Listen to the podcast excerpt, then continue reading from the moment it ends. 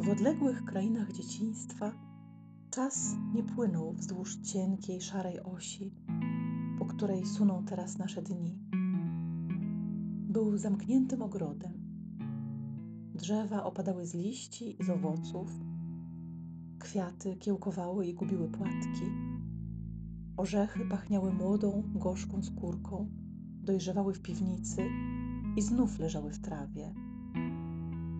Pory roku nakładały się na siebie i trudno nam było spamiętać, co było wcześniej cynie czy bzy.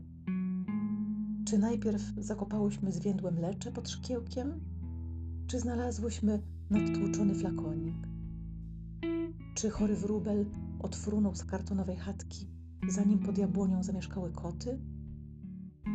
Czas trwał w miejscu, unosił się warstwami jakby wiatr poruszał stronice starej księgi.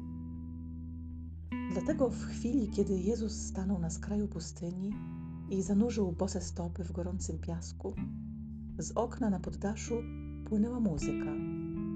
Babcia głaskała kwiaty leszczyny, a ja zbierałam przebiśniegi, żeby wpleść je w długie włosy marzanny. Jezus stanął na skraju pustki. Przed nim rozciągała się nicość. Bezgraniczna, bezgłośna nicość. Ruszył w nią. Chciał wejść na mgnienie, na jedno uderzenie serca w każdą pustynię czasu.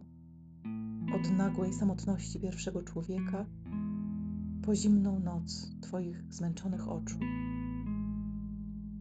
Jeszcze o tym nie wie, ale zajmie mu to czterdzieści dni i czterdzieści nocy.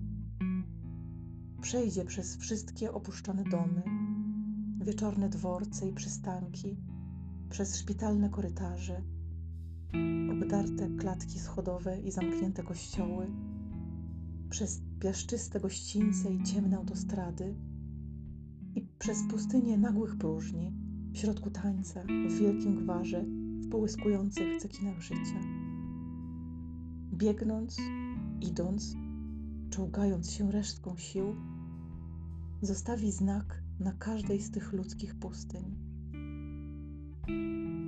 Przemknie też przez skrzypiący pokój z kominkiem. Mężczyzna spojrzy nagle w wystygły popiół i zobaczy na nim ślad dłoni na piasku, niezapisaną, pokutną pięciolinię.